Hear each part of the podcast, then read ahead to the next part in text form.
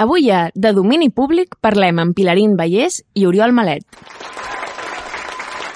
Bona nit, malparits! Que us demano, si es plau, silenci i concentració.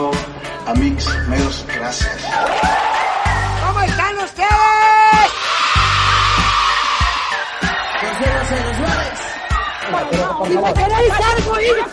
Sou molt bona gent. Saben aquel que harán. De domini públic, un podcast del 3C. Sabies que els teus artistes preferits també tenen artistes preferits? De domini públic és el podcast del 3C que trenca la quarta paret i asseu els artistes al pati de butaques. Volem apropar-te la mirada dels creadors sobre els públics de la cultura i la relació que estableixen amb nosaltres. En cada capítol de domini públic s'asseuen al pati de butaques dos artistes de l'escena cultural actual per respondre a la nostra bateria de preguntes. I després, a la secció de l'anecdotari, l'Elisenda ens recuperarà fets curiosos sobre públics, que malgrat que ella es pensa que ningú els coneix, són de domini públic. Som en un pati de butaques.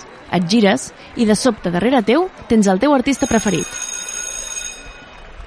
El programa és a punt de començar. Si us plau, no apagueu els vostres dispositius. Durant tot el podcast està permès compartir-ho a xarxes. Que gaudiu de l'experiència.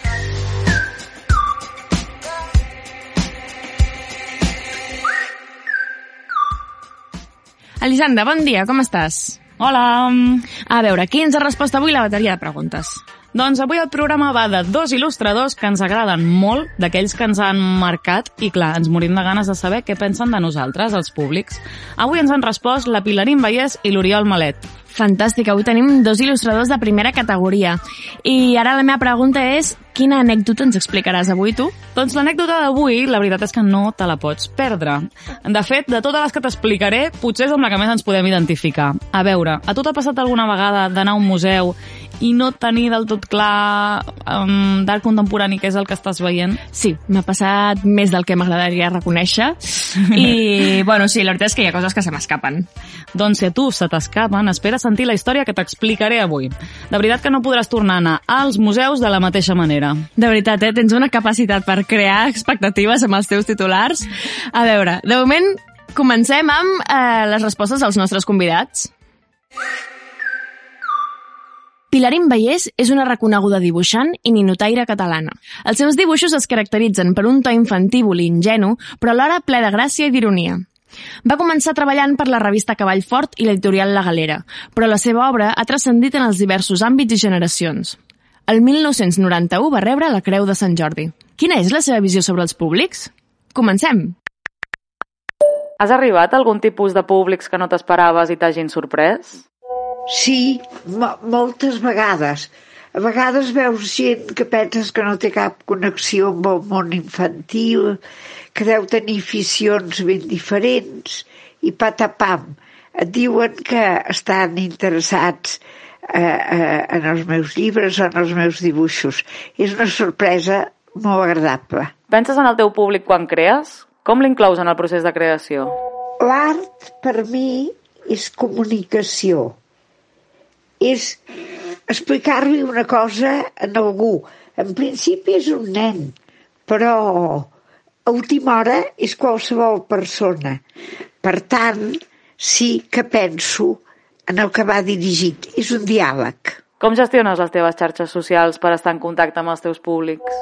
Això és una mena de miracle estrambòtic, perquè jo no sé ni obrir un ordinador. Però en un moment donat, un noi sud-africà que va venir per un programa de televisió i el vam conèixer, ens va animar molt. Ja, ja havia, feia temps que hi havia gent que ens animava, però aquest ens va fer que va de decidir d'obrir una pàgina per explicar el que fèiem, el que deixàvem de fer. Va coincidir molt amb el procés, ens va agradar manifestar-nos molt en aquest sentit i donar solidaritat i de tot. I pactem amb la meva filla Margarida els continguts, però, de fet, eh, jo parlar eh, parlo amb la preparació dels continguts, és ella la que ho posa en marxa, però m'agrada molt perquè em trobo amb gent que em diuen us seguim, llegim comentaris de la gent, és fantàstic. Quina és la millor crítica que has rebut? I quina és la teva experiència amb els haters? Eh, sempre que em diuen m'ha agradat aquest dibuix, aquest llibre m'ha agradat, per mi és molt, molt bonic, perquè és veritat que la nostra feina la fem en solitari. Surt el llibre, si veus que s'ha venut penses que ha anat bé, però rebre comentaris concrets és molt bonic. Amb els haters aquests, a mi m'agradaria tenir-hi un diàleg, però la meva filla Margarida em diu que no, perquè moltes vegades són gent que va per motius que no tenen res que veure amb, amb el dibuix ni amb tot això, sinó que són gent que ho fa per motius polítics. I llavors diu que és millor no contestar. I segurament té raó. Però de l'ànima em sortiria polemitzar molt educadament per demostrar que algun insult, alguna suggerència, eh, es pot criticar tot, però insultar i, i rondinar gaire eh, no té gaire sentit. Però no, no, no ho faig, generalment els tallem. Els públics som actius i no tenim una mirada neutra. Ens relacionem amb l'obra que observem. Quines reaccions t'agrada despertar en els teus públics? M'agradaria pels nens despertar-los una mica el gust, per exemple, per conèixer el país, si dibuixem la Sagrada Família, que aquell nen que hi ha anat o que té ganes d'anar-hi, doncs eh, se li expliqui alguna cosa, entengui una mica l'argument, entengui una mica l'època. Eh, és això que dèiem, eh? és un diàleg. Si expliquem una història, que aquella història, a mi el que m'agrada més és que el commogui, que passi moments de pena, de plorar, de riure, de passar-s'ho bé. Eh, L'art ha de ser per passar-s'ho bé. L'art que no t'ho passes bé no és art ni és res de bo. Hi ha alguna pregunta que no t'hagin fet mai però tens ganes de contestar? Preguntes me n'han fet moltes. També és veritat que després de tants anys algunes han sent repetides i em sap una mica de greu, però no tinc, no tinc una altra resposta. I eh, preguntes que m'agradaria. Eh, ara no se me n'acut cap, però qualsevol pregunta que et faci rumiar una mica és digna de ser contestada. Per tant, si en teniu alguna, feu-la i miraré de contestar-la el més sincerament que pugui. A l'hora de consumir cultura, quins són els teus plaers inconfessables? Algun plaer gastronòmic, soc diabètica i podria semblar bastant inconfessable, però he aconseguit fer el possible portant-me molt bé amb algunes coses i transgredint una mica amb altres. I eh, jo crec que la, la cultura és la diversió màxima. Anar al teatre, anar al cine, anar al museu, veure les obres d'un pintor en el seu taller o d'una pintora, eh, veure els companys que havien set d'escola com han evolucionat en els seus estils. Jo, per mi, el, és el, el màxim.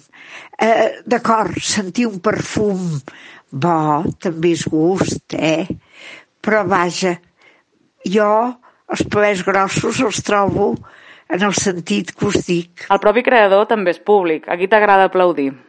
Doncs mira, he d'anar a veure el Gallardo espanyol d'en Peyu, em sembla que l'aplaudiré molt, perquè el trobo molt divertit i fa coses molt divertides. M'agrada molt el teatre, m'agrada molt els festivals d'estiu, moltes vegades eh, vaig i espero eh, també anar-hi alguna vegada a Cap Roig amb algun puesto així. Aquest any vaig anar a sentir els, els, espera't, els amics de les arts, amb els meus nets. M'ho vaig passar fenòmeno, vaig ballar i tot. Eh, aplaudir sempre és molt bonic. Jo sempre aplaudeixo, quasi.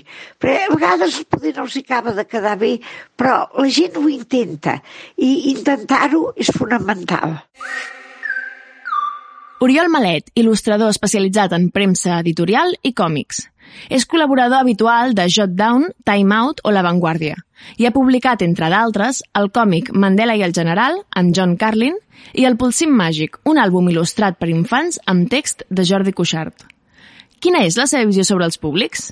Comencem! Has arribat a algun tipus de públics que no t'esperaves i t'hagin sorprès? Honestament, a mi em sorprèn arribar a qualsevol tipus de públic. Mm, Es dona el cas de que jo vaig estar molts anys desitjant ser il·lustrador, però vaig aconseguir-ho molt tard, cap als 30 anys, ara en tinc 46, i eh, era una situació tan desitjada que aquella sensació de que al darrere dels meus dibuixos, de les meves il·lustracions o dels meus treballs hi hagi, hi hagi gent interessada en el que he fet, em segueix sorprenent. És una mica naïf, però crec, eh, honestament, que és una sensació que hauria de vigilar que mantenir-la sempre perquè és el que et fa mantenir aquell neguit, aquella cosa. Crec que mm, seria l'equivalent a aquell artista de tota la vida i fins i tot famós, acostumat a actuar en grans... Salvant les diferències, eh? No me les vull donar de res, però però em sento identificat, eh? Quan grans artistes diuen és que avui en dia encara quan pujo a l'escenari tinc el coquet perquè em meravella que hi hagi tanta gent que vulgui rebre el que jo puc oferir. Uh, i, per tant, la sorpresa és que en general hi hagi un públic uh, que potencial del, del que jo faig. Penses en el teu públic quan crees? Com l'inclous en el procés de creació? Depenent del tipus de- d'encàrrec que rebo, és obligat pensar més en el públic destinatari que depenent d'altres. És a dir, quan el que faig és una obra que s'apropa més a l'obra personal, eh, el convenient és no pensar-hi pràcticament gens a qui va destinat. Però quan el que fas és un projecte que bàsicament o majoritàriament ve proposat per una editorial que té molt clar el que en diem target, a qui va destinat, doncs és eh, convenient pensar a qui va destinat. Tot i això, eh, jo vinc de l'escola, sobretot eh, ideològica i creativament parlant, més underground, més contracultural, eh, i això fa que perdi una mica el respecte. És a dir, que fins i tot en els encàrrecs en els que no hem de perdre la vista a qui anem destinats, obvi una mica, ho tingui, a la, ho tingui allà present, però no em pesi massa. Crec que si aquest aspecte pesa massa, va en detriment de la creativitat. I que quan no hi penses gens, és quan la creativitat pot fluir eh, en tot el seu esplendor, no? pot fluir plenament. És, és, pot semblar contradictori, però no ho és. És un element que juga i que depèn de l'encàrrec i del grau de creativitat que vulguis fer servir ha de pesar més o menys. Com gestiones les teves xarxes socials per estar en contacte amb els teus públics? Per mi les xarxes socials són molt importants. Uh, les faig servir molt, principalment Twitter i en segon terme Instagram, per estar en contacte amb el públic uh, des de diversos punts de vista. Uh, crec que al públic també li agrada i necessita, com a mi m'agrada i necessito quan, quan el públic ho sóc jo, saber alguna cosa més d'aquell artista que t'agrada, d'aquell creador que t'agrada, eh, que no pas única i exclusivament l'obra que fa. Eh, penso que per una banda, i pot semblar contradictori o paradigmàtic, però no ho és, això que diré. Penso que per una, per una banda l'obra ha de parlar per si sola, però que per l'altra, a la plataforma de les xarxes, dona una possibilitat de mostrar-te a tu com a persona, l'artista persona. L'obra és l'obra que fa l'artista i l'artista persona és una altra cosa que pot estar més o menys lligada. Uh, si, jo, jo crec que almenys és com jo ho enfoco jo, jo crec que si projectes a la teva imatge intentant aportar, intentant aportar un plus, és a dir, sent positiu, eh, intentant compartir, intentant emetre, per exemple, a Twitter opinions o a Instagram imatges que pensis que pot aportar algú, eh, és beneficiós es produeix el fet, per exemple, que en el meu cas em segueix molta gent que jo no sé qui són i que no conec i que resulten ser, per exemple, eh, editors, editores, directors, directores d'art, que en un moment donat et criden perquè tenen un, un, un, una proposta que saben pràcticament del cert que encaixarà amb tu. Per què? No només coneixen l'obra, per això que us acabo d'explicar. Coneixen la persona, coneixen els seus interessos, els meus interessos en aquest cas, coneixen com penso, coneixen les meves debilitats, els meus gustos, i saben que no s'equivocaran. Això fa que eh, aquesta barrera entre l'obra personal, el projecte personal i l'obra o el projecte més d'encàrrec puguin fusionar-se o se situïn en un terme mig molt interessant.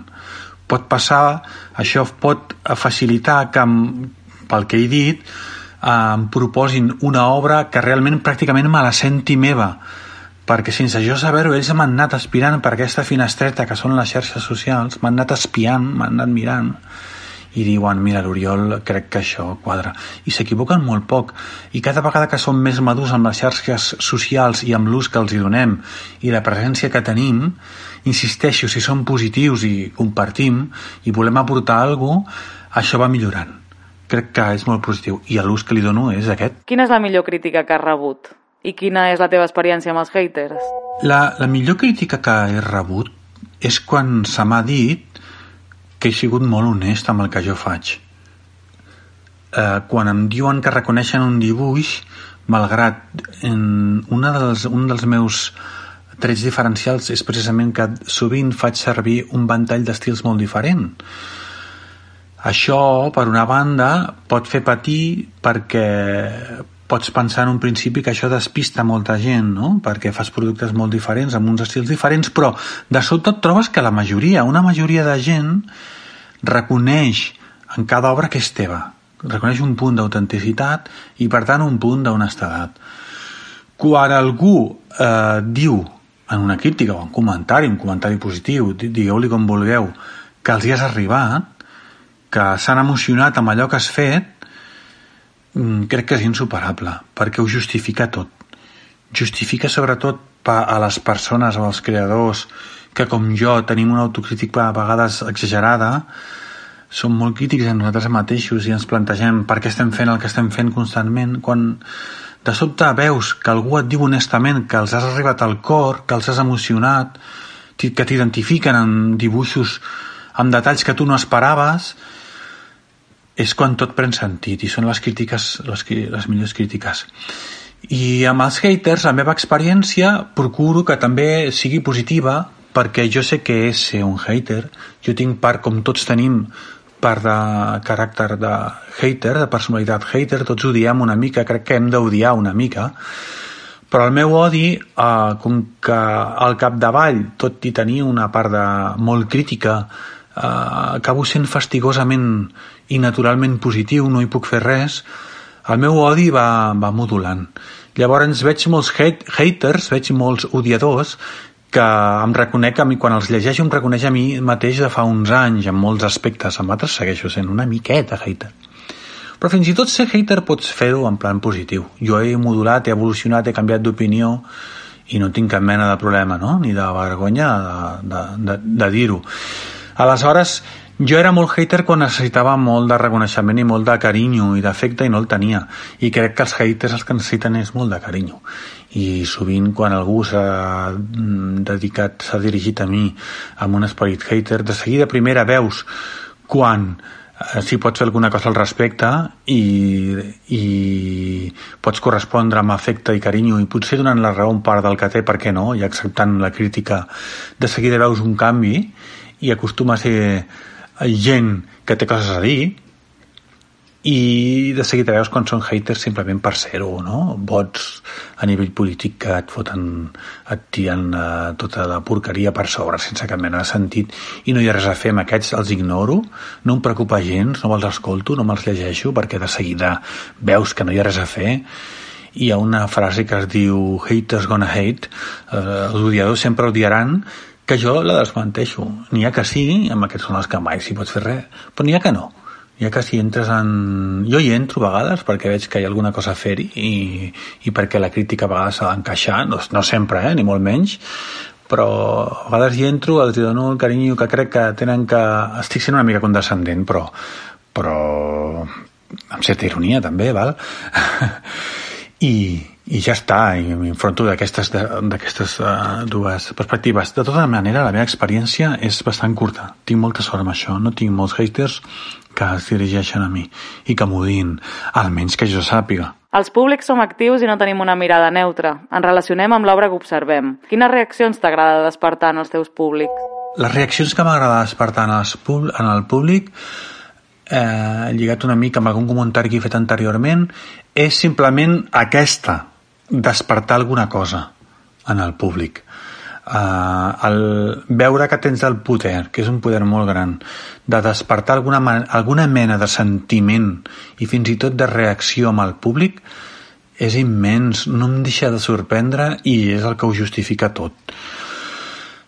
El públic ha de ser actiu, i ho és. De fet, crec que és importantíssim i modula la teva obra com a creador. Per tant, m'agrada el públic que no té una mirada neutra, que relaciona amb l'obra que observa, jo, de vegades i sovint, m'agrada molt més ser públic que creador, precisament per això, perquè com a públic no sóc neutre i m'agrada eh, aportar i m'agrada pensar i suposar que la mirada del públic i la posterior acció que fa eh, incideix directament en l'obra sigui el pas de temps, directament a curt termini o, sobretot, jo crec que passa a llarg termini que el discurs que provoca la mirada del públic, com es va modulant al pas del temps, és molt, molt, molt interessant.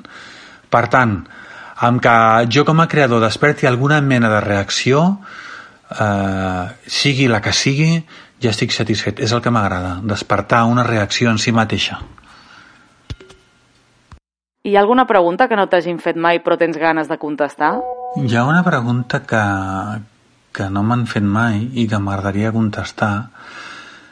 Eh, bé, no m'ha fet mai cap mitjà. Me la va fer no fa massa la meva filla i em va agradar molt contestar perquè vaig veure que no tenia problemes en fer-ho. Em va dir, i atenció, papa, si de sobte et quedessis sense mans, eh, et posaries trist perquè no podries dibuixar. Ella em veu dibuixar tot el dia. I la resposta va ser molt honesta. Si de sobte em quedés sense mans, no em posaria trist i no em faria res quedar-me sense dibuixar perquè tinc molts altres interessos. Uh, M'agradaria molt poder parlar d'altres coses que m'interessen i que m'agraden. Fins fa uns anys, per exemple, per exemple parlava de la música uh, i la literatura um, i ara s'ha afegit una altra última cosa que he descobert de mi mateix que m'agradaria molt, molt, molt fer amb una altra vida que és eh, realitzador de documentals. El documental és una cosa que d'un temps cap aquí m'ha fascinat, m'encanta i que he descobert que com a mitjà em fascina i m'agradaria molt, molt poder-me dedicar.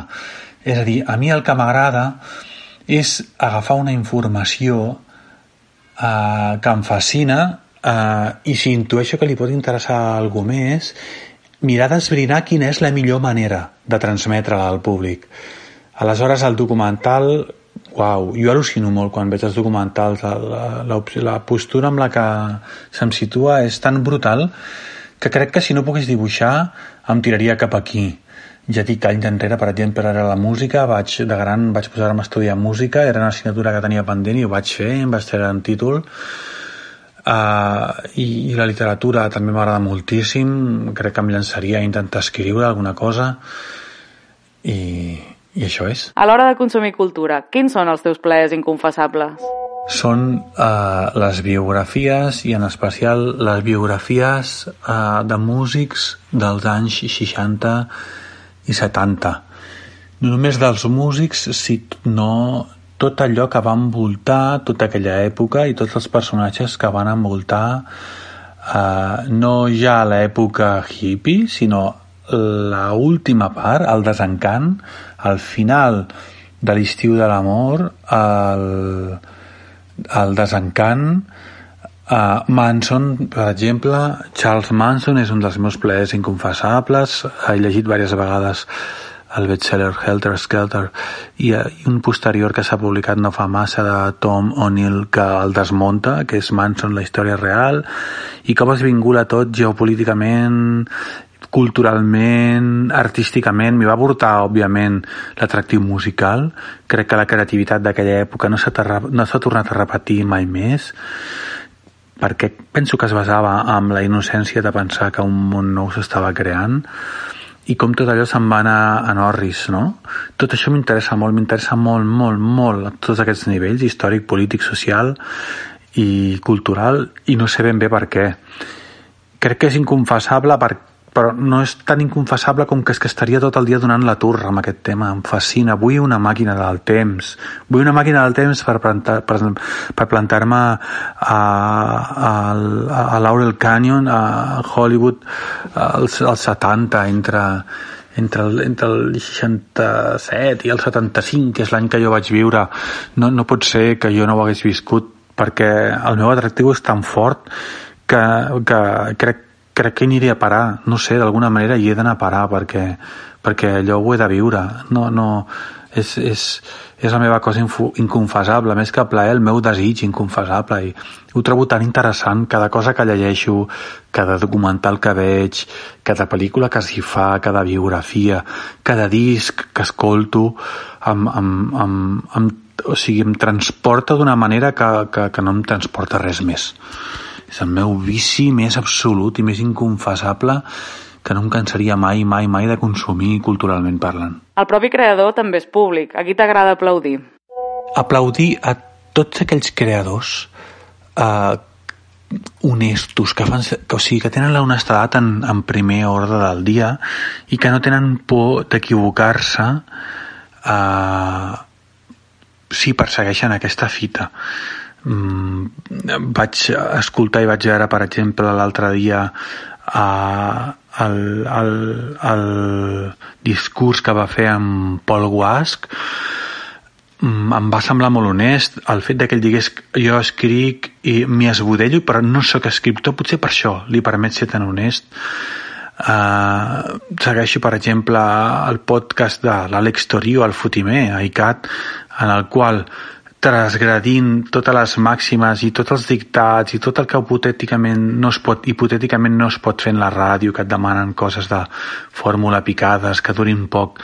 Ell va i fa un programa en el qual et posa tot un disc sencer perquè és honest amb si mateix i ell entén la música així i tant li fot el que més li agrada del món és estar amb uns amics i posar tot un vinil i comentar tot el disc i això ho converteix en un programa sense pensar en si això tindrà èxit o no i ho converteix en un clàssic al moment eh, dic aquest podcast o aquest programa de ràdio per, per allunyar-me una mica eh, de la literatura i, o de l'art però amb la literatura i amb l'art doncs penso exactament el mateix. Totes aquestes obres literàries que transgredeixen una mica la fórmula, però no amb la voluntat de transgredir, sinó de ser honest amb si mateix, per exemple, eh, em ve ara l'últim llibre del, del Martí Sales, eh, um, Aliment, en el que barreja la poesia, el monòleg, la novel·la, la literatura de tot tipus, tot, tot, tot, o sigui, tot el que està fet des d'aquest punt de vista honest i sense pensar, com deia al principi, i crec que és una bona manera de tancar eh, tota aquesta entrevista, sense pensar en el públic a qui va destinat, sinó amb la necessitat que tens tu d'expressar-te i la voluntat de compartir-ho, és el que jo aplaudeixo plenament. Per això també potser, i seguint tancant temes, m'agrada tant la música més dels anys 70, artistes com Frank Zappa, eh, còmics undergrounds i tota aquesta tradició, totes aquestes ganes de transgredir, són, és el que jo tant aplaudeixo. A cada capítol de De domini públic et descobrirem una dada curiosa i interessant sobre els públics de la cultura. O potser ja era de domini públic que... L'anecdotari. Quina sort poder comptar amb artistes com ells pel nostre podcast. La veritat és que sí. Parlant d'això, Laura, que no té res a veure, com portes el tema de l'art contemporani? Aviam, Elisenda, m'acabes de pillar desprevinguda, no sé, una miqueta, vas a museus, a vegades em costa una mica, ho he de reconèixer. Doncs no et preocupis, perquè avui t'explicaré històries de gent a qui t'asseguro que els ha costat una mica més que nosaltres. A veure, perquè això de l'art contemporani i els públics pot acabar sent una combinació bastant explosiva. Molt explosiva. Avui ens situem a Milà, al Museu Bolzano, fa aproximadament uns 5 anys. El cas és que les artistes d'avantguarda Sara Goldsmith i Eleonora Chiari presentaven una obra anomenada on anem a ballar aquesta nit? Uh -huh. L'obra era una instal·lació que pretenia representar l'adonisme i la corrupció política dels anys 80 i consistia en l'acumulació d'ampolles de xampany, confeti, etc. En definitiva, els residus propis de quan acaba una festa. Vale. Fins aquí tot bé. Uh -huh. El problema va arribar quan es van trobar el dia següent que estava tot net com una patena. No. Es veu que la persona de la neteja, que feia poc que treballava al museu, s'havia confós de sala i s'havia passat les hores netejant la instal·lació artística. Ostres, això, això sí que és una bona confusió, pobra, mm, i més si acabava de començar a treballar, no? Ja entres per la porta gran. Mare meva. Tant de bo no ens passi. Esperem Però que no. també t'he de dir que no és l'únic cas. Fent una Ai. recerca exhaustiva... Sí, com sempre, Elisenda, fantàstic. He trobat molts altres casos d'obres contemporànies avantguardistes que han confós força al públic. Des de senyores que van a una inauguració a gaudir del càtering i acaben plenes de pintura, Ui. fins a compradors d'art que confonen les humitats de la paret amb obres. Ostres, jo t'he dit que avui em tranquil·litzes una mica, perquè veig que li ha passat a més gent i que no seré mai la que fa més el ridícul quan vagi a veure exposicions. Exacte. Sempre hi ha algú que arriba abans i ho fa millor, així que això ens pot passar a tots. I tant. Fantàstic, Elisenda. Doncs moltíssimes gràcies per aquestes anècdotes que ja sabem que són de domini públic. Gràcies. I acabem fent el que millor sabem, gaudir entre el públic de la música amb Estàs aquí, de l'Ali Bigut, inclòs en l'àlbum El Jardí Secret.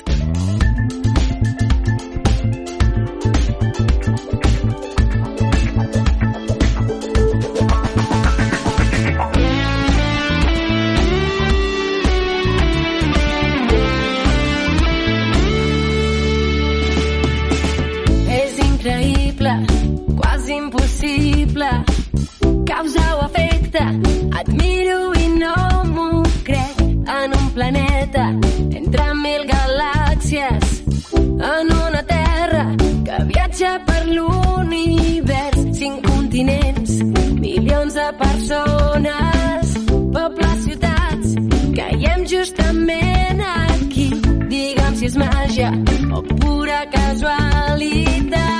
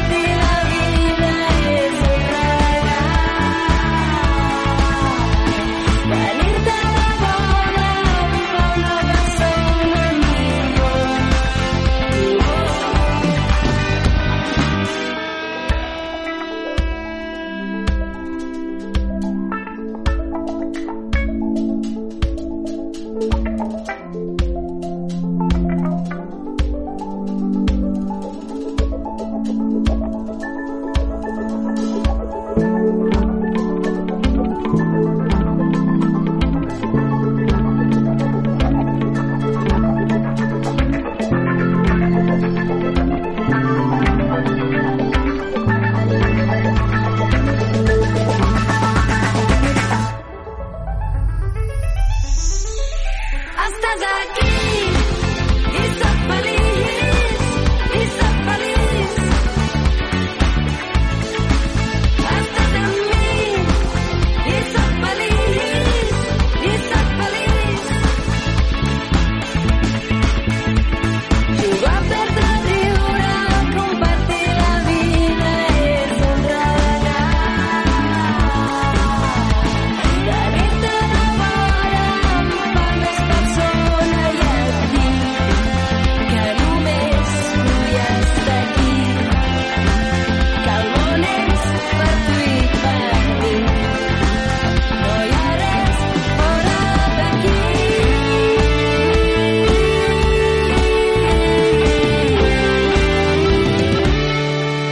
Programa propi del 3C amb les veus de Laura Ramírez i Elisenda Triador.